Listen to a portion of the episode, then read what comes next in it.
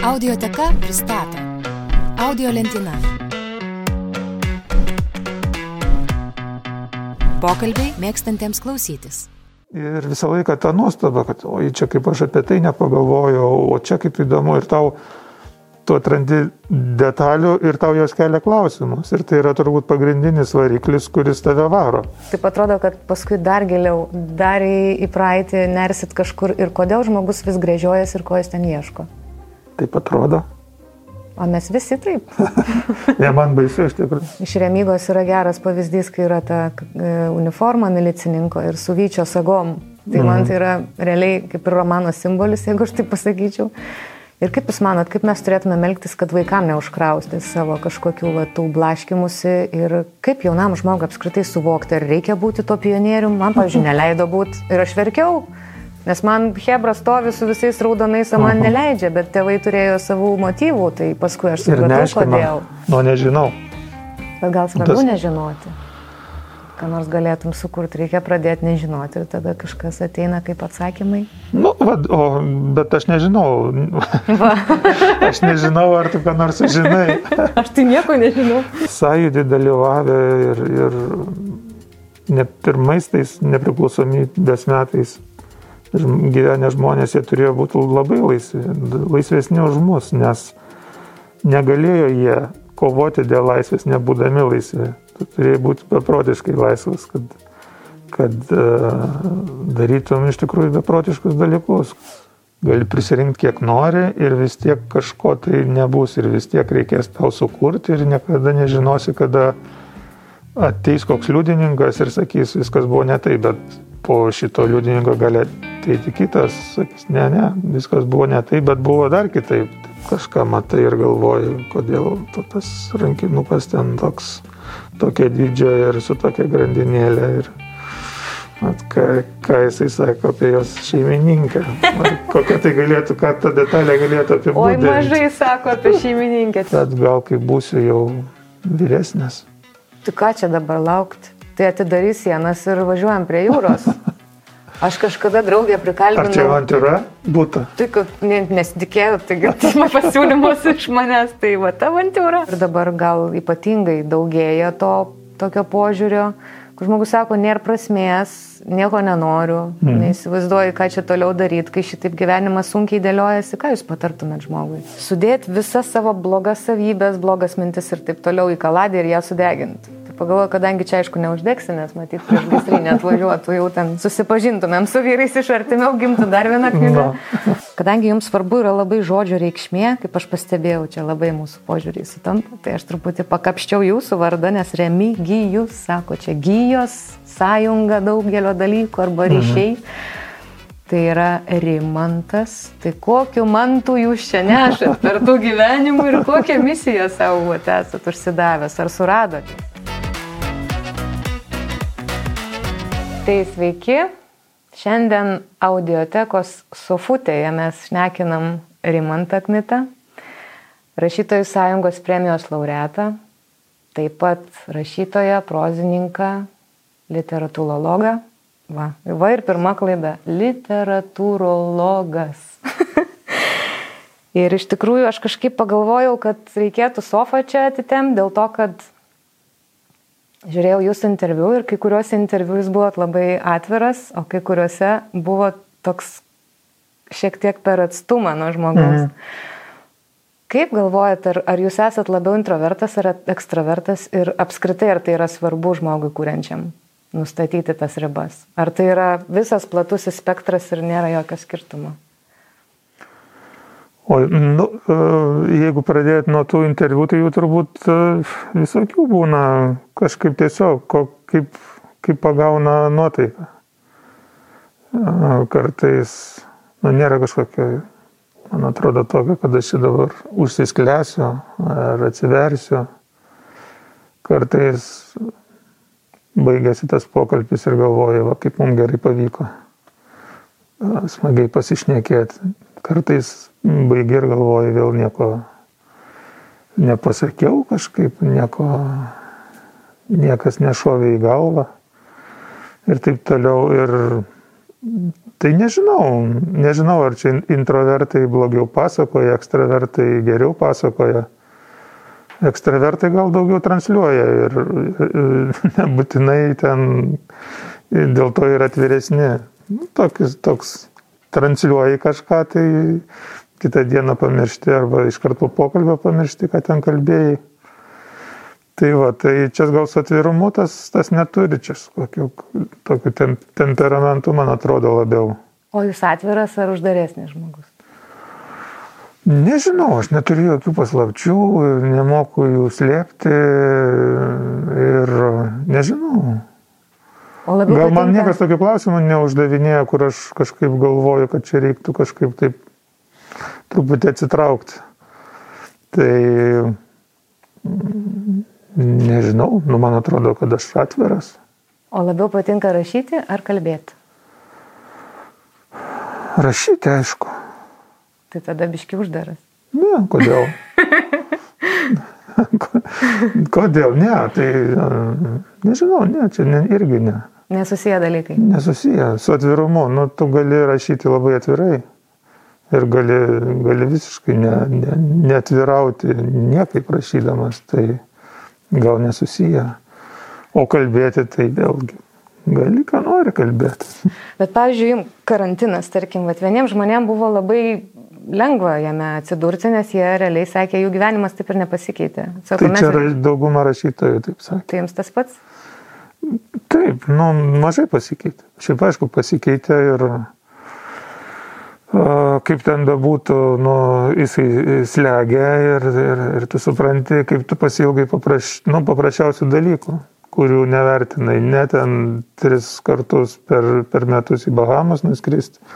O aš aišku niekada net, to iš viso nedarau, bet, bet tiesiog susitikti su žmonėm, apsikabinti ir uh, kažkur išeiti į kiną ir, ir dar kažkur ir atrodo elementarūs dalykai, kurių nu, tikrai nu, nevertinai. Ir dabar tu supranti, kad tau nereikia jokių bahamų, kad tau reikia tų, tų žmonių ir kažkaip normaliai su jais susitikti. Tai mes šiandien labiausiai išnekame apie audio knygą Remygą. Susirimavo netgi. Man iš tikrųjų buvo labai įdomu, nes prieš klausydama, prieš skaitydama, prieš kalbindama žmogų, aš stengiuosi nieko nesidomėti. Papildomai šalia to, ką mhm. kažkiek ten žinau, kažkiek mačiusi. Ir dažniausiai būna taip, kad tu knygą skaitydamas pažįsti kažkokią visai kitą, tą, kaip, kaip jūs sakote, atviresnę pusę žmogaus. Paskui susitikus labai būna įdomu palyginti, ar tai yra žmogus, kuris galėjo parašyti šitą knygą, ar tai yra žmogus, kuris galėtų parašyti galbūt kitą knygą. Kaip pats procesas knygos rašymo atrodo? Jūs sakėt, kad pradėjot rašyti nuo galo ir ėjot link pradžios. Tai aš įsivaizduoju, yra kažkoks struktūrinis susidėliojimas, kaip turės atrodyti jau galutiniam rezultate knyga. Ar mhm. kaip tas procesas atrodo? Um, mano rašymas dažniausiai atrodo taip, galas man yra labai, labai svarbus. Gal nebūt, nuo galo tu gal nelabai gali pradėti. Tu pradedi nuo, nuo tam tikros temos, idėjos, ar tiesiog atsiranda, matyt, to, to, tokia nuojauta kažkoks neaiškus debesis pakimba tave ir kybo, ir, ir traukia, ir galvoji, ten kažkas turėtų būti įdomaus. Ir tu pradedi po truputį galvoti, kas čia tokia yra. Aha, kodėl tave traukia? Ar tave ten traukia charakteris, ar ten tave traukia kažkoks įvykis, ar laikas, ar, ar viena detalė. Ir tu pradedi galvoti apie ją, pradedi domėtis. Aš labai, nežinau, čia mano toks įprotis, turbūt gyvenimo būdas yra, aš didžiai laiko dalį leidžiu bibliotekose.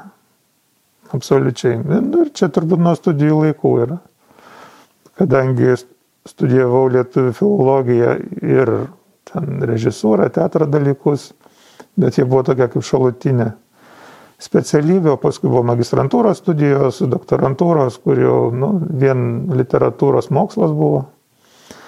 Tai visas tavo darbas ir iš esmės visas tavo gyvenimas yra bibliotekose. Ir čia turbūt yra toks įgūdis. Tiesiog jau susiformavęs atsikeli ir, ir keliauji į biblioteką Tai yra kažkokia disciplina dienos, nesvarbu, ar jūs rašot knygą ar ne, tiesiog yra tvarka gal, dienos ir jos laikas. Priklauso gal nuo, nuo, nuo darbų. Šiaip jeigu nebūtų kažkokių papildomų kitų dalykų, tai žinoma, tai būtų, aš net nevadinčiau tai disciplina, tu kai atsikeli ir eini daryti savo darbo. Ir man tai nėra kažkoks, nu, disciplina yra to kažkokia sugalvota tvarka, kurios tu laikaisi. O čia Tas pats, jeigu tu, nežinau, būtum mm, vairuotojas ir tau reikia 10 ar ten 8 ar 6 būti darbė ir, ir ten kažkuria valanda baigėsi ir eini namo. Tai čia irgi tai, nuo ryto iki tam tikros valandos, kuris jums laikas paros geriausiai. Tai jau kaip kada, nes vis tiek yra šeima, vaikai ir ten irgi visokių peripetijų būna, tai serga, tai darželis neveikia, tai dar kas nors čia jau dabar taikais, šiaip man šviežiausias būna rytas. Bet tai va, tai ir tada eini į biblioteką ir žiūri, kaž, kažko ieškai iš to debesies ten kabančio virš savęs. Ir kartais randi detalę, randi kitą ir, ir žiūri, kad pradeda, pradeda vertis kažkoks tai toks junginys tau staiga.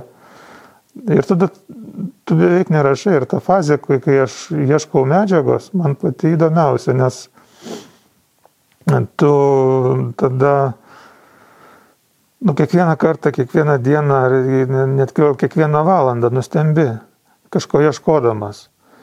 Tarkim, su remyga, kai buvo, tai gerai, sugalvojau kažkaip, gal ir prasidėjo nuo to, kad Būtų įdomu pakalbėti apie tą laiką iš, iš milicininko perspektyvos. O kodėl milicininkas? Būtent. Ne... Nežinau, nu, todėl, kad, kad kažkaip įsivaizdavau, įsivaizdavau kažkokį sąjudėti, angažuotą, įsivaizdavau kažkokį partinį funkcionierių tuo metu, dar daugmaž ką jis galėtų papasakoti, o man milicininkas buvo toks, tarsi, tarsi tarpininkas tarp tų skirtingų visuomenės sluoksnių, arba jis juos galėtų matyti ir, ir romane būtų galima tai parodyti. Ir tada ir, ir, ir pradedu, pradedu kažką ieškoti, skaityti, galvoti, aha, čia tokie žmonės įdomus, gal reikėtų su jais susitikti, pakalbėti. Ir, ir apskritai mes apie tą miliciją, nu, ką mes žinom, niekas mums nepasakojo, mokyklos vadovėliuose nerašo, ką veikia milicija ar policija tokiais ar tokiais metais, ar ne. Na, na, na, tai va, tai, o jinai, nu, vis tiek yra nu, viena iš, mes žinom tris numeris, ar ne, policijos, greitosios pagalbos, medicinos ir gais, gaisrinės. Bet romano apie, apie gaisrininkus. Uh, policininkus, nu, apie medikus gal daugiau kažkaip, kartais kažkas parašoma, bet ar jie patys parašo. Tai va, tai, tai nelabai ir tu pradedi aiškinti, žiūrėti ir, ir visą laiką tą nuostabą, kad oi, čia kaip aš apie tai nepagalvojau, o čia kaip įdomu ir tau tu atrandi detalių ir tau jos kelia klausimus. Ir tai yra turbūt pagrindinis variklis, kuris tave varo. Nes jeigu tu neturėtum klausimų, tu tikrai, nu, to viskas aišku, tu esi ramus, tu nieko nerašytum. tai va, tai sakykime, tas milicininkų gyvenimas man buvo įdomus, pradėjus paskui, aišku, tas milicininko ta profesija pradėjo plėstis ir tapti metaforą, nes atsirado kitas kontekstas, atsirado mano akiratyje E, visokie vilkolakiai, meškos ir taip toliau. Tie tokie vilkolakiai, kurie iš tikrųjų irgi pagal senąją baltų mitologiją, jie yra tokie tvarkos saugotojai. Jie keliauja į požemį, kad atimtų iš niekdarių visokias pavoktas gerybės, derliaus gerybės ir kitas. Ir tam tikromis dienomis jie pasiverčia vilkolakiais ir keliauja į tą kitą pasaulį kovoti su blogiu. Tai tokie mitologiniai policininkai irgi. Ir, žodžiu, taip, taip pat po truputį augini ir kai supranti, jo, čia gali būti knyga, čia gali būti kažkas įdomaus ir tada pradedi dėlioti siužetą, galvoju, kokia tada čia istorija, ką aš čia papasakosiu ir nuo kur iki kur man reikia nueiti. Irgi dažniausiai tai įsivaizduoju miglotai, gal kartais turi kažkokias scenas, kurios galėtų būti prieki pabaigoje ar dar kur, bet Bet istorija, nu visą laiką tu gali, nuo bet kurios vietos iki bet kurios vietos jie pasakot. Vienu atveju tai bus ta tragedija, kitu atveju komedija, žiūrint, kuo tu baigsi ją. Bet visą laiką aš nesu tikras, ar bus knyga, jeigu aš neturiu paskutinės scenos. Nu, tu turi turėti kažkaip pabaigą. Aišku, tu turi, tada jau žinai vis tiek, kažką turi žinoti iki tol, kaip iki to nueisi kas bus ir kuo tai galėtų baigtis. Ir kai jau turi tą, kuo, turi, kuo galėtų baigtis, tai tada pradedi jau dirbti prie to, gerai, kaip aš iki to nueisiu. Tai dėl to gal aš akcentavau pabaigą. Aha, o žiūrėkit dabar, e, tai aš bandžiau savo kažkaip tai per daug ten nesikapstydama galvoti, su kuo man asocijuojas. Tai meška man buvo telšiai, kažkaip tai taip mhm. gavos. tai toliau galvoju, jautis, nu žiūrim, herbus toliau, mhm. nu tai Kauns buvo. Ir toliau kas vaikiuks, tai čia Jėzus iš Vilniaus herbo ar kas čia toks? Nu. Ką jie reiškia tie personažai? Žmonės labai dažnai klausia iš tikrųjų, ką jie reiškia ir aš suprantu ir galiu atsakyti, bet kartais galvoju, pavyzdžiui, kai Nilo Geimano kokius Amerikos dievos, dievus skaitau ir ten pasirodo jautės, nu, tu galvoji kažkaip, nu, tu žiūri į tą jautį ir galvoji, ką jis galėtų, kas čia toks galėtų būti, kodėl jis čia yra. Ir, mm, tiesiog toks kažkoks, nu, daug, daug paslapties yra už to. Jautyje. Jautyje, ar meškoje, kuris kalbasi su žmonėm. Va, tai iš tikrųjų, tai čia, čia labai paprasta. Aš labai norėjau kažkaip tos šiaulių, šiaulių kultūrinius dalykus į, įpinti arba net iš jų parašyti romaną. Ir tai yra visi tie, yra, visi tie dalykai yra šiaulių herbe. Tai, e, meška iš žemaičio, aišku, nu, tai galėtų būti nu, iš telšių. Iš telšių, taip. Atspėjau iš karto. Reikėjo duoti tam meškai garsinti žemaitiškai, taip šiškiškai. Tiesa, va palėtėt, kaip jums garsinimas audio knygos? A, aš nežinau, kažkaip labai keista. Man labai patinka, kaip skaito. Ir tikrai yra kažkoks toks, nu, aktoriai labai gerai kaitalioje ir, ir kalba, nes nėra vienoda romane yra bendrinė ir šiaulietiška. Ir personažus kuria du aktoriai, tų personažų yra daugiau negu du. Gerai, bet matyt, aš pats dar labai nenutolęs nuo, nuo to teksto, aš klausausi ir redaguoju dar. Matyt, kai kiti žmonės perskaito, tu dar, lab, tu, tekstas dar labiau nutolsta negu kai tu matai, pavyzdžiui, knygą makete Aha. ant popieriaus, kai jis jau toks atrodo svetimas, truputį ne tavo, bet tu dar gali pataisyti, ten kažką tvarkai. O kai girdi kitų skaitomą, nu, tai tada jie mato ir, ir, ir, ir, ir, ir savaip dar interpretuoja dar svetimesnės ir tu galvoji, ne, čia reikėtų tvarkyti, čia, čia ir man taip sunku, aš gal kokias dvi valandas dar tik tai perklausiau. Galvoju, kad... Niekaip toliau neina. Ne, nu galvoju, aš kažkaip čia kankinuosi. Dirba, tai, primantai. Jo, taip kažkaip ir daug iš šalies gaunu tų, tokių atsiliepimų, kad gerai skaityti, man labai dabar darosi nepatogu, kad aš jos iki galo dar neperskaičiau. Va, ir galvoju, bet matyt kažkaip reikia gal tada, kad jinai dar nutolto. Ir, ir, ir kai aš jau pamiršiu, kad aš ją rašiau, gal tada pabaigsis klausytis. Tai va, o, o šiaip, tai va, tai apie herbą, ten iš, iš herbo yra tas šiaulių herbo. Nes šiaulių herbe yra ir jautis, ir meška, ir, ir apvaizdos akis. Tai nu, šiuo atveju irgi tas, tas spėjimas su Vilniaus to kūdikėliu, Kristoforo švento nešamu. Aha jisai visai teisingas. Ir aišku, kad e, tie dalykai, nu, nėra šiaip herbo figūros. Tu, Šiauliuose buvo ir tauro gamykla, ir, ir sakykime, ir meškos simbolių irgi daug, kur, pavyzdžiui, žaidžiau regbio vairo komandai, tai ten jų simbolika yra paimta meška. Iš, iš, iš to, o vaikiukas irgi buvo lab, gana daug skulptūrų su vaikais yra šiauliuose ir tas pats, tarkim, šaulys, jis toks irgi, tas uh, auksinis berniukas šiaulių, tai jis irgi toks, uh, nu, kaip jaunuolis ir vaikas kažkoks, jų yra gana daug, žodžiu, meškų, vaikų, taip kaip pradedi žiūrėti. Pilna Lietuva.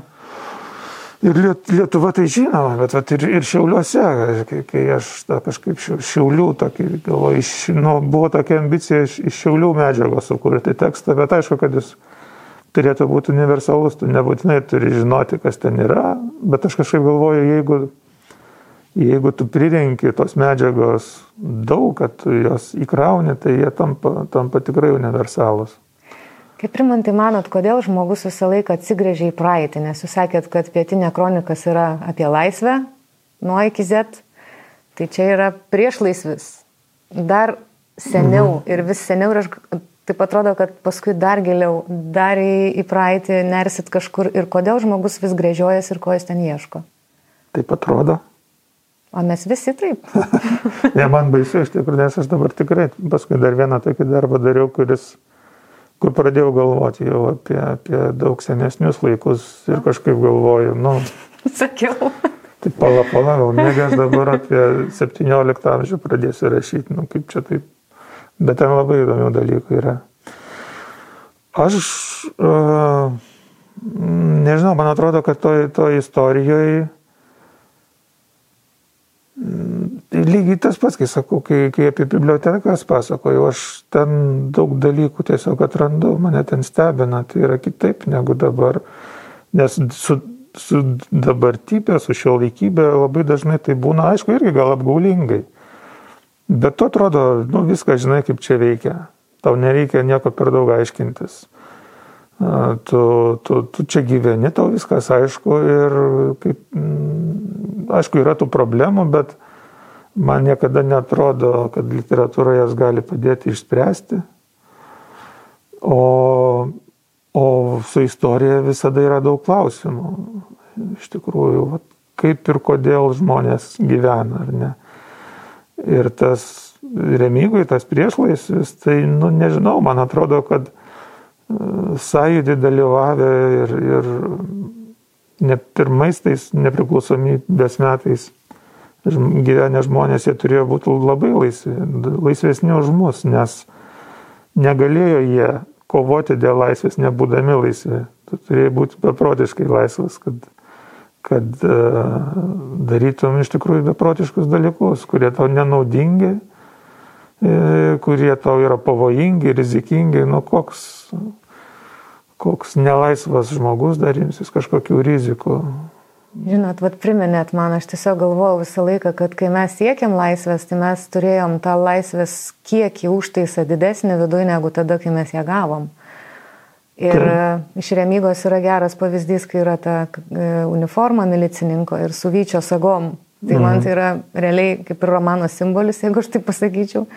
Ir kaip Jūs manot, kaip mes turėtume melktis, kad vaikam neužkrausti savo kažkokių va, tų blaškimusi ir kaip jaunam žmogui apskritai suvokti, ar reikia būti to pionierium, man, pavyzdžiui, neleido būti ir aš verkiau, nes man Hebra stovi su visais raudonais, o man neleidžia, bet tėvai turėjo savų motyvų, tai paskui aš supratau, kodėl. Ne, ne, aiškiai. Nieko nesakė. Nu kažkaip sakė, ne, čia negalima šą. Nebuvo taip grubiai, bet tiesiog nu, vaikui kitaip atrodo, nes aš tada norėjau įsilieti į būrį. Nu, aš įsivaizduoju, jeigu, jeigu tu kažkaip, nu, esi, esi visuomeniškos prigimties, tai aišku, kad nori, nori kartu su to kaklaraiščiu, kartu su visais ten dalyvauti visur. Tai nežinau, tai vaikui neįmanoma turbūt. Ta prasme, tai čia tik tai tėvai kaip sugeba tam vaikui paaiškinti, išaiškinti ir čia viskas turbūt priklauso nuo, nuo tėvų visų pirma, na, aišku, ir aplinka kita, ir, ir draugai, ir mokytojas, ir taip toliau. Va, bet, mm, o dėl uniformų irgi. Vienas iš tokių, vat, sakau, kai tu atrandi detalę, kuri tave visiškai pribloškia ir tu, tu, nu taip, man irgi vienas iš centrinio romano tokių vaizdų, kur netgi, nu, vat, paneigia, ką tu šiaip daug negalvodamas įsivaizduoji apie, apie, apie tarkim, kažkokią temą. Nu, tai buvo milicija, sovietinė struktūra, paskelbėm nepriklausomybę ir tada buvo reforma kažkokia, tapo mm, šitą instituciją visa policija, pasikeitė uniformos, atributika ir, ir, nu, ir taip ar ne. Ir žmogui duoda kitą uniformą, žodžiu, su kitom sagom ir tu daryk tu ką nori, nuo šiol kitaip arba ne. taip, o viskas buvo vėl kaip visada. Viskas būna įdomiau toje istorijoje, negu tu galėtum įsivaizduoti. Va, tas yra, dėl to man įdomu yra istorija ir, ir dėl to ten knisiesi ir aiškinės. Ir jokioj, jokiam vadovėlį, kuris pasakot apie tos laikus, ne, nebūtų tos turbūt uniformos. Gal dabar bus, mes vat įtikinsim e, pedagogus ir vadovėlio autorius, kad reikia tos uniformos, nes jis labai puikiai parodo tai, kad žmonės buvo, nebuvo to tokio kažkokio tokio grino už, prieš, e, čia tu ar lietuvis patriotas, ar ten kažkoks tai nori išsaugoti tą Sovietų sąjungą. Man tai yra to tokio vis tik sumišimo, iš tikrųjų galvoju, tie žmonės užaugę, brendę Sovietų sąjungoje irgi baigė tas sovietinės mokyklas, jie vis tiek turi to patriotiškumo ir kažkokį tai samoningumą. Man čia atskiras klausimas, ar kiekvienoje šeimoje kitaip, kaip jie, kaip jie pavyzdžiui, sužinoja apie tą Lietuvos istoriją. Iš kur, kaip, ar ne, turi, turi būti kažkokios įgyjos, tradicijos. Ir, pavyzdžiui, mano šeimoje, nors mano seneliai buvo ištremti, nu, niekas apie tai nepasakoja. Ir daug to, nu, daugybė tokių šeimų, kur niekas apie tai nepasakoja, buvo tokių, kur pasakoja, viskas labai skirtingai. Bet paskui kažkaip vis tiek viskas suteka į tą vieną tokią labai stiprią bangą atgimimo.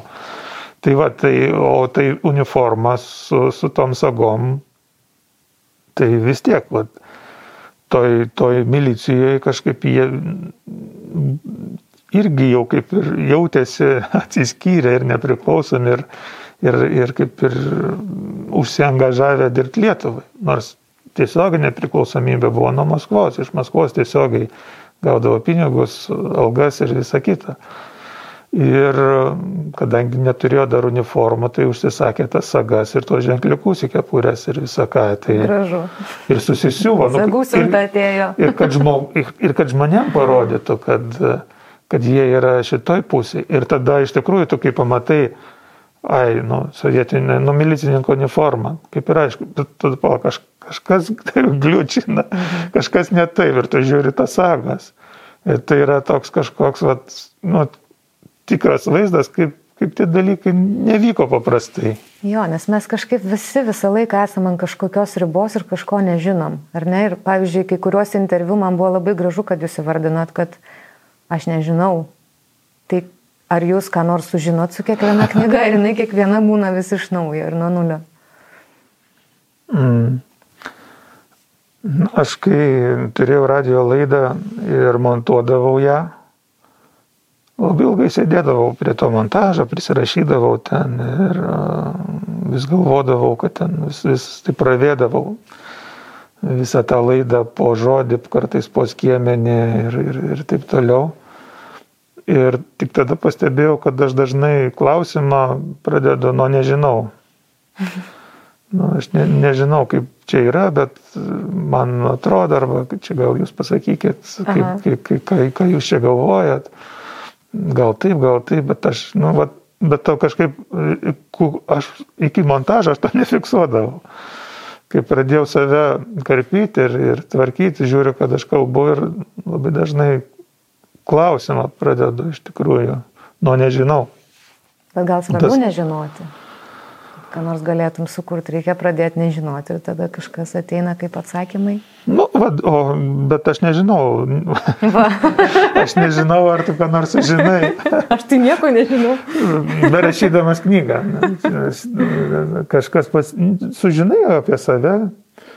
Pirmą knygą, kai rašiau, turbūt aš sužinojau tikrai, kad aš turbūt tas knygas įrašysiu tam tikrą prasme panašių būdų, kaip ir rašiau prieš tai savo literatūrologinius darbus.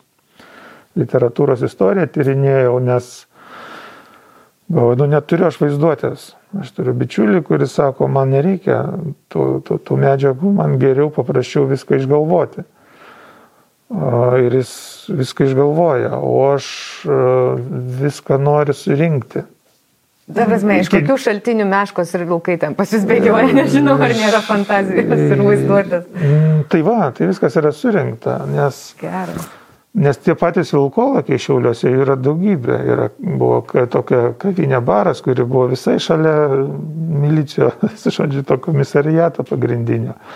Buvo dailininkai, ten darė visokius darbus knygų, tokiais pavadinimais šiauliečiai yra išleidę ir, ir ir taip toliau. Žodžiu, ir buratino tų buvo visokiausių šiauliuose. Ir žaislų parduotuvė. Buratiną aš geriau dar atsimenu. Ir jo, ir gėrimai, ir kavinė, ir... ir Limonadas. Ant taupomosios kasos sienos buvo toks piešinys buratinas škasinėja pinigus kvailių laukia, žodžiu, čia buvo banko reklama tokia. Tai laikikas irgi galvoja, kas čia, aš sugalvok, tai Tai va, tai, tai, tai mano tokia manija yra vat, kažkaip surinkti iš tikrųjų iš, iš, iš detalių. Tada aš iš tikrųjų gal sužinau, koks vis tik tai nu, nepriepiamas ir nepermatomas yra tas pasaulis, kur yra tokių dalykų, kurių tu niekaip negalėtum įsivaizduoti ir kad tavo vaizduotė yra tokia gana, gana siaura ir, Ne, tai va, tai aš esu, aš esu labai atviras ir, ir labai kažkaip galvoju, nu, pas, pasiruošęs kažką sužinot, bet tu turbūt vis tiek tokia mano pagrindinė, iš tų irgi patirtis, turbūt iš tų visų tyrinėjimų, ieškojimų, kad niekada negali žinot.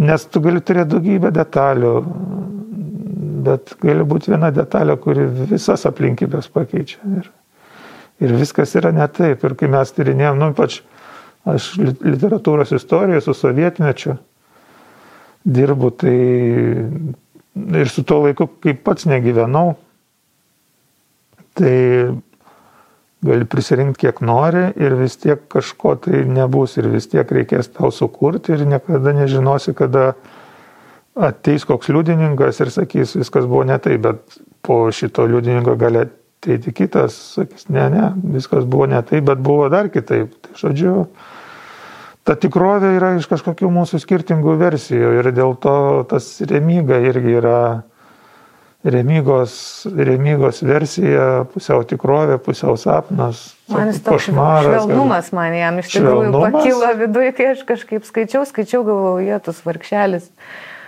Ir nu. tas jam blogai, ir tas sunku, ir ši čia nesiseka, ir, ir čia dar tikrai nepasiseks. Ir vad buvo tas klausimas man, jūs nebuvote Afganistane, ar ne? Tai ne, ne. O aš Kur? buvau. Nu. ir tas dulkės valgiau, kaip sakant. Ką reiškia tos dulkės atkosėjamos, jeigu taip pasižiūrėt? Ar čia yra kiekvieno žmogaus kažkokie elementai, ar čia yra Irgi čia vienas iš tokių dažnesnių to romano motyvų yra, kur, kur, kur jungia toks vienas iš jungiančių skirtingus laikus, skirtingas erdves. Yra, yra tos Afganistano dulkės, kurias Remyga prisimena tuo metu. Iš tarnybos yra jo sūnui alergija nuo, nuo dulkių yra sonat, sonatos nuovargis, jo žmonos nuovargis nuo nuolatinio tvarkymosi, nuo, nuo tų dulkių. Yra galiausiai tos tokios dulkių erkės išdidintos daug kartų, kurios irgi pasirodo. Ir mm, visą tai jungia ir nu, dulkės vis tiek yra turbūt tas romanas, jeigu apie dulkės kalbant, tai turbūt irgi tokios įtampos tarp tarp atminties ir, ir to, kas kažkur nusėsta. Nors mums labai svarbu ir Remiga ieško tą savo istorijas, bando nupūsti tas dulkes nuo, nuo, nuo, nuo dalykų, kad sužinotų. Prisitraukti prie, prie pasąmonės kažkokiu būdu ir prisitraukti prie, prie, visų pirma prie istorijos, kad jis žinotų, kad jis, kas, kas buvo jo tėvai, kas jis pats, tai tiesiog kartai prie papra, paprastų tokių dalykų. Dar iki, iki pasąmonės dar čia toli, bet čia iki dar labai sąmoningi. Va, bet e, jo, ir tada, tada va, pavyzdžiui, jo, atrandi to, tą dulkių, kad tau, kad tau gali jungti daug dalykų nuo Afganistano iki ten vaiko alergijos, tarkim. Tada, aišku, žiūri tą kalbinį sluoksnį, ieškai kažkokių tai frazeologizmų ar ko, ką kalba yra su dulkiam užfiksavus. Nu, jau vieną čia kažkaip įsprūdo, nupūsti dulkės nuo, mhm. nuo atminties ar nuo ko. Tai va taip kažkaip ir lipdosi tas tam tikri, tam tikri tie romano sluoksniai. Remyga yra pasakęs, aš tik viena viešpatės styga, ar ne? Nu, iš čia cituoja atvažiavusi Bernardo Braždžionė. Bet, Taip, tai aš vat, norėjau tiesiog perėti prie tokių bendresnių klausimų, nes aišku, mes palėtėm labai daug patį rašymo procesą. Bet man visą laiką įdomu, kas už tos knygos slypi ir kas ten toks atsisėdęs rašo. Tai ko jūs tikit? Kuria prasme? Nu, va, ta viena viešpatės styga. Tai vis tiek, aš manau, kad žmogus rašydamas šitą sakinį, jis vis tiek iškelia ir savo tą klausimą. Ar jūs vis tik dokumentuojat viską? Kaip, kaip visada, viskas yra patikrinta faktais, galima surasti ten, ten, ten. Ir yra asmeninis atsitraukimas nuo to. Galiu atsiųsti YouTube nuorodą į tą Bernardo Bražionę frazę, kuris tai sako. Bet aišku, kad romane įtampa kai ko daugiau, nu, kaip, kaip ir visi dalykai, jie nėra taip. Aš noriu, kad iš romano jūs savo pasakysim. Nu, ta prasme, tai... asmeniškiau pasižiūrėti. Ar... Ne, nu remyga, kaip čia toks yra kaip to tokio vilkolokio arba policininko. Nu, tu esi viena, viena viešpatės tyga, kuri kažkam turi tarnauti, turi kažkokį daryti darbą ir turi, turi tą savo funkciją atlikti. Tai va, tai čia gal net nelabai apie tikėjimą, čia gal apie savo kažkokį gyvenimo prasmės supratimą. O jeigu Rimantas sakytų, kuo tiki? Oi, ne, aš, nu, aš paprastai sakyčiau. Nu, aš esu tikintis, bet nu, labai toks silpnas. Silpnas tikintis. Silpnas, silpnas tikėtojas. Praktikuojantis krikščionis. Katalikas būna silpnas tikintis. Silpnai praktikuojantis. Ne, tikintis. Nežinau, man, man iš tikrųjų su, su tom praktikom esu gal susipykęs. Va, bet, bet mane labai inspiruoja ir, pažiūrėjau, Remyga rašant irgi visiškai buvo toks momentas, kai buvo toks serialas katalikybė internete kažkurį laiką prieinamas nemokamai. Ir aš tada kaip tik rinkau medžiagą, galvojau apie struktūrą ir tai visiškai nėra susiję kažkaip su, su, su rašymu, su mano tema, su kažkuo, bet aš jį žiūrėjau ir ten buvo kalbama apie, apie šventuosius, apie, apie tam tikras vietas, apie tam tikrus įvykius biblinius ir, ir labai šviežiai prikeliama šiandienai, žodžiu kaip, kaip ta atmintis apie tos įvykius, apie tos šventuosius ateina iki mūsų. Kaip žmonės prisimena ir pasakoja, ir, nu, žodžiu, viskas, viskas pasidaro gyva. Ir mane visą laiką labai kažkaip, nežinau, baž, bažnyčio, sakykime, ar tu skaitytum Ratzingerio, ar tu skaitytum Jono Pauliaus antrojo tekstus, nu, jie yra tokie gilus uh, tekstai, kurie analizuoja tavo tiesiog žmogų. Tai čia, tai, kad tave taip užveža ir pakrauna, net, net pats nelabai žinai kuo, kad tai labai padeda įrašymą ir kūrybai, nes nu, tu vis tiek galvoji apie, apie save, iš ko tu sudėtas, kas tau yra svarbu, kas tau yra svarbiausia. Ir nu, tikėjimas, tikėjimas turbūt yra apie tai, apie, apie nuolatinį savo kažkokių prioritetų apmąstymą, apie vertybių apmąstymą ir kuo tau gyvenime vadovautis, kaip tau gyventi, kas tau padeda, kas tau trukdo iš esmės. Nuodėmės visos, nu, jos yra, jeigu tu kovoji su nuodėmė, tu kovoji su savo įvairiom tiesiog įdom, kurias įveikęs tu gali laisviau kvepuoti. Nes tikėjimas, tai yra tikėjimas. Man tik gražu tas vat, procesų įvardėjimas, kad realiai tu ten gali paklot, ką nori. Tai negali būti ne, ne, ne procesas, nes iš tikrųjų, man atrodo, tikrai tikintis, praktikuojantis žmonės jo nuolatos klausia. Nėra taip, kad tu kažką dogmas žinai ir nuėjęs kartoji maldas, kurios tau nieko nesako mechaniškai. Tai ne, tai tikėjimas, aišku, tu nu, bandantis turėti tą gyvenimo prasme ir, ir kažkaip prasmingai gyventi, tai žmogus visą laiką klausia, ieško ir Biblijos skaitimas, galvojimas apie tos dalykus labai tam padeda, inspiruoja, motivuoja ir tai nežinau, lab, kitų dalykų.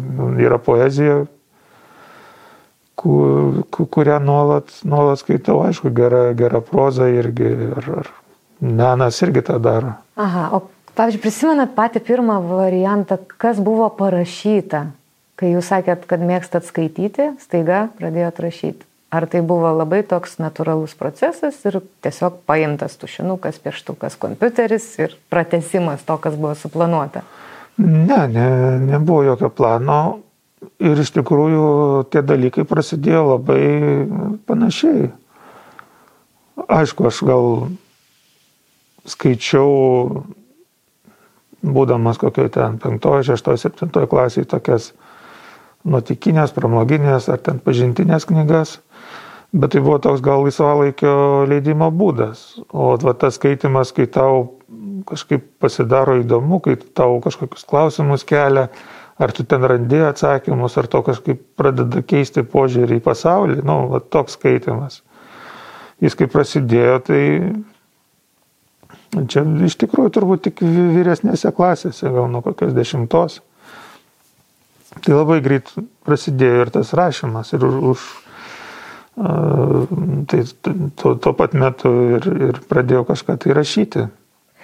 O tai visą, tik visą laiką gal keitėsi keitėsi tie mano vaidmenys, žodžiu, ir jie būna etapas, kai aš esu labiau skaitytojas ir rašau tik tai apie kitų kūrybą ir būna etapas, kai truputį tos dalykus leidžiu pagulėti ir, ir, ir, ir pats kažką rašau.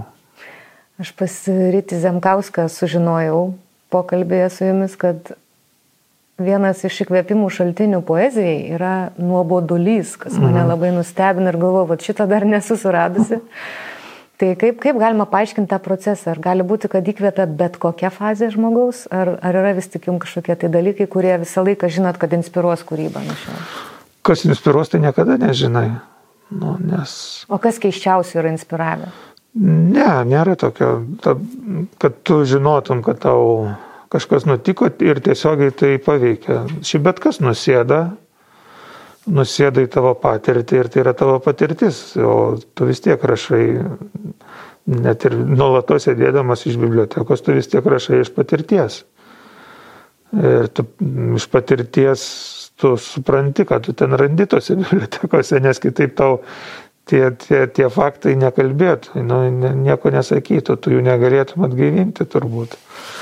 O nuobodulys, tai čia yra toks, man taip yra, nežinau, gal kitiem poetam kitai, bet uh, tiesiog eilėraščiai kažkaip ateina, kai tu negalvoji ir neplanuoji nieko. Ir iš tikrųjų tai buvo tas studijų metai, kai to dikinėjimo tiesiog buvo daugiau, kai neplanuoto laiko buvo daugiau, kai tu leisdavaisi į avantūras, į pasiūlymus ir nes dabar tikrai bent kelias savaitės turi beveik valandom viską susiplanavęs, nes tu puikiai žinai, kad kiekvieną rytą 8 val. išeisi iš namų ir veši dukrai darželį, tada grįši, tada kažką vakarieniausi, tada ta, o per tą laiką tu arba esi su kuo nors, ką nors suplanavęs, o jeigu nesuplanavęs, tai reiškia, tu būsi arba namuose, arba archyve, arba vienoje iš kokių trijų bibliotekų. Viskas.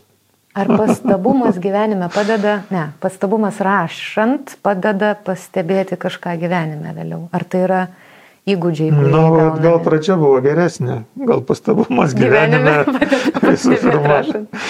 Gerai, galit pakeisti. Jo, gyvenime turbūt tu kažką matai ir galvoji, kodėl tu tas rankinukas ten toks, tokia dydžio ir su tokia grandinėlė. Ir At ką, ką jisai sako apie jos šeimininkę. Ar kokia tai galėtų, ką ta detalė galėtų apibūdinti. Oi, mažai sako apie šeimininkę. Čia toks rankinukas, žinokit, kuris nelabai Tai va, jeigu žiūr, kažkaip jo, jeigu prie batų netinka, tai galvoji, mhm, čia vadinasi atsitiktinis daiktas. Disonansas Jo. žmogus. Visiškai. Tai va, tai, tai ne, tai jis iš gyvenimo turbūt kyla, o pasta- pastabumas gal skaitant labiau, kai tu atkreipi dėmesį į skirtingus teksto lygmenis, į detalės, į ritmą ir taip toliau, tai ten nu, truputį gal kitoks yra pastabumas, o, o rašant tai jau tu ką iš gyvenimo, kaip tu esi įgūdęs stebėti tą gyvenimą. Čia turbūt rašytojam vienas iš tokių dažniausiai duodamų patarimų, kad stebėkit, užsirašinėkit ir, ir, ir fiksuokit ir paskui tos detalės arba apskritai tas įgūdis būti atidžiam jums pravers rašant. Tai realiai, jeigu žmogus norėtų būti rašytoju, bet niekada savo neleido patikėti tą mintimi, turėtų tiesiog stebėti gyvenimą ir galbūt vieną dieną, Gyvenimą stebėti apskritai yra gerai. jeigu netapsit rašytoju, tai tapsit kažkuo kitu labai gerai. Na jo, gyvenimo stebėjimas, man atrodo, tiesiog geras užsiemimas. Kas yra didžiausia avantūra, kuri tamstai labai svarbi, kad būtų gyvenime? O, dabar jau nebežinau. Pakalb... Užsiminiau aš čia apie avantūras, kuriam būdavo laiko ir, ir kas įvykdavo ne, nesuplanuotai. Ir šiek tiek gaila, aišku, kad tas gyvenimas dabar jau toks visas yra suplanuotas. Nežinau, ne, Mm,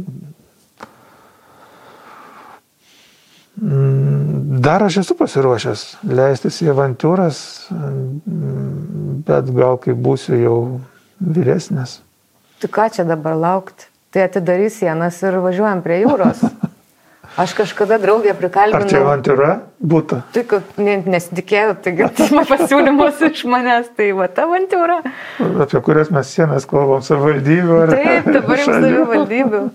O iš tikrųjų, jeigu pasiūlytumėt kažką tai žmogui, kuris yra, vat, aš nemažai tokių matau aplinkui ir dabar gal ypatingai daugėja to tokio požiūrio, kur žmogus sako, nėra prasmės, nieko nenoriu, mm. neįsivaizduoju, ką čia toliau daryti, kai šitaip gyvenimas sunkiai dėliojasi, ką jūs patartumėt žmogui? Kur ieškot, ar, ar ta avantūra yra atsakymas, ar gal kažkaip, kaip įsikvėpti savo prasme gyventi, jeigu jos nėra, atrodo. Ne, nežinau, jeigu nėra prasmės, čia labai sunku ką nors patart. Tai iš esmės nieko negali patart, nes tada žmogus apskritai į viską, kas yra aplinkui, nu, neturi prasmės nei tas tavo patarimas tokiam žmogui turbūt. Bet nu, visa prasme yra viduje, niekur ten nereikia, nereikia važiuoti prie jūros ieškoti prasmės. Tai nežinau, aišku, čia labai sunku pasakyti, nes jeigu žmogus yra, yra tarkim, jeigu įkamuoja lygos, jeigu jis kažkaip neišlipa iš kažkokio skurdo, jeigu yra tokių tikrai realių, realių objektyvių gyvenime problemų, kurios, kurios įgramsdina. Sunku, sunku kažką pasakyti labai, nors man atrodo ta prasme nelabai susijusi, ar tai žmogus vargsta ar nevargsta, dažnai ta, ta, ta prasme. Bet gal tas požiūris Pameta. kažkaip, ar ne, yra, kad Tai yra, mes taip, taip, taip, taip, taip. nematom, kas yra gerai aplinkui, pratę esame matyti, kas negerai ir pritraukiam per tai, kas negerai dar labiau gal. Taip, bet nežinau, man tai yra, man tai yra tiesiog kartais guli ir, ir džiaugiesi, kad, kad kvepuoji. Kad guli. Kad, tai, kad guli ir kvepuoji. Ir, ir daugiau tau nieko nereikia. Nes gerai yra kvepuoti, gerai yra judėti, tu jauti, kaip, kaip kūnas tavo veikia, kaip, kaip kažkas ten viduje kraujas šniokščia, ar ne. Ir, ir tai ir yra, tai ir yra, tai yra gyvenimas, tai yra energija, tai esi tu. Ir tu su jie gali daryti, ką nori, kas tave stabdo. A, tai vad guli ir galvoji, kad tu gal ne iš tos pusės prie gyvenimo prieini, kad tau atrodo aplinkui vien kliūtis ir tu nieko negali padaryti, ko tu nori ir taip toliau. Gal reikia avantūros ir eiti iš kitos pusės. gal jo, viską galima bandyti peržaisti iš naujo ir tam turbūt nėra amžiaus kažkokio tai termino. Tikrai. Ačiū, Rimantai. Tai vad, pabaigai pokalbio aš noriu vieną citatą paskaityti. Vis dar jaučiu tą metaforą, kurią kūriau. Kuri būtent ir yra metafora, o ne atsakymas. Neteiginys su erdvė, spalva, ritmas, atmosfera, skonis burnoj. Šiuo atveju, čia apie remygą, turbūt gazdinančio blogio, amžino blogio, esančio visur ir visada šalia skonis. Tai kadangi jums svarbu yra labai žodžio reikšmė, kaip aš pastebėjau, čia labai mūsų požiūriai sutampa, tai aš truputį pakapščiau jūsų vardą, nes remygijus, sako, čia gyjos, sąjunga daugelio dalykų arba mhm. ryšiai. Mhm. Tai yra rimantas. Tai kokiu mantu jūs čia nešat per tų gyvenimų ir kokią misiją savo esat užsidavęs? Ar suradot jau savo tą kažkokį įvardijot dalyką? Ką jūs čia atėjot padaryti? Šiaulius paprominti. Šiaip visai neblogas dalykas su, su šiauliu. Kažkaip po, po tų romanų, po spektaklių visokių ir, ir kitų dalykų. Mm, šiauliai, su, nu, tikrai šiek tiek sukruto. Aišku, tuo metu gal dar kitų dalykų toks sutapimas, bet dabar šiauliečiai kažkaip keletą metų jau daug, daug laisviau su ta savo kalba elgėsi ir kažkaip visiems, man atrodo, pasidarė smagiau būti būti, būti šiauliečiais, tas kažkaip, nu, ta tapatybė tarsi miesto įgavo truputį nau, naujų impulsų ir atsišviežino. Nu, man net norisi šiaulius vėl nuvažiuoti. Taip, aš esu gavęs iš žmonių tokių, tad perskaičiau knygą ir nuvažiavau šiaulius. Tai va, tai, tai šiaip kodėl ne, na iš tikrųjų man tai labai smagu, va, tam gimtajam miestui suteikti impulsų, apie ką aš, ko aš irgi neplanavau visiškai, kad taip nutiks, bet va, taip atsitiko ir dabar e, toliau tas tęsiasi dialogas ir yra kitų darbų ir konkrečių planų ir turbūt dar nesuplanuotų dalykų kažkokių nutiks, bet iš iš tokių nereikia gal iš tikrųjų tų labai didelių misijų gyvenime, gal tikrai tau, jeigu sekasi, pavyzdžiui, savo gim, gimtojo miesto kažkokį veidą truputį formuoti, ar kažkuria jo dalį, gal nebūtinai veidą, gal, gal rankų raumenis, ar ne, bet vis tiek. Tai yra ne, ne, nebloga misija, o visa kita, man atrodo, kaip ir kiekvieno žmogaus gyventi sąžiningai ir taip, kad, kad tu būtum patenkintas ir aplinkiniai dėl tavo pasirinkimų nekentėtų. Taip. Tai va, aš kadangi jau čia pasiruošus, tai spirgu į paskutinę mūsų pokalbio dalį, nes čia yra mirtyšė. Ja padovanojo man vienas dailininkas. Čia jo diplominio darbo baigiamasis kažkoks tai vat, momentas užfiksuotas būtent taip, o ne kitaip. Čia buvo vat, kažkokie voratinkliai piešti. Ir aš dabar neseniai visai sužinau, kad lietuviai lygiai ir turėjo tradiciją per kalėdas sudėti visas savo blogas savybės, blogas mintis ir taip toliau į kaladį ir ją sudeginti. Tai pagalvoju, kadangi čia aišku neuždegsi, nes matyt, prieš gaisrinę atvažiuotų, jau ten susipažintumėm su vyrais iš artimiau, gimtų dar vieną knygą. No. Bet norėčiau palinkėti tiesiog va, dabar kažkokių dalykų atsikratyti, kurių tikrai nereikia. Ir viena jūs, viena aš, ko norėtumėt, kad nebūtų. Gal tiesiog va, daug tyrinėjo, daug medžiagos perskaitęs, ko nereikia tai Lietuvai arba žmogui Lietuvai. Uh, tikrai, jo, būtų gerai tą, tą blogį sudeginti, apie kurį aš rašiau remygą. Taip, taip, žiaptuvėlis paruoštas. Ja, nes apie tai ir buvo. Ne, tai jeigu visi galvotumėm ne tik apie save, nu apie save irgi, aišku, reikia galvoti, bet dar ir galvotumėm, kad galim tuo pačiu savo, savo miestui ar savo valstybei kažką gero padaryti, tai viskas būtų gerai, jeigu tai nebūtų kažkoks gyvenimas savo. Tai, va, tai, tai gyvenimą kad... dėl savęs dedam. Vien dėl savęs. Taip, vien Ta. dėl savęs. Aš nuo savęs dedu savigraužą, kurios man nefiga nereikia ir visą laiką graužia mane, graužia aplinkinius ir niekam nėra reikalinga. Ir nieko gero neduoda. Nieko gero neduoda, nieko tai nesukuria. Dedam. Gerai. Tai va su šitą gaidą Mirtyšė išdegins viską. Man šitas momentas laidos pats fainiausias, nes net aš nežinau, kas bus. Laukiam gaisrininko. Tai va dabar bus bairis, mums reikia užpūstą. Kaukė, jeigu gera, tai neišės.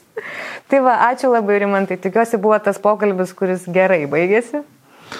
Per daug gal nebuvo durnų klausimų, jeigu buvo, tai sorry, klysti žmogiška. Aš čia darau, Ačiū. ką noriu. Kaip ne, jau, jauki buvo sofa. Jėga, super. Tai va, bandom tada taip. Ačiū. Ačiū. Laukit kitų pokalbio bus dar.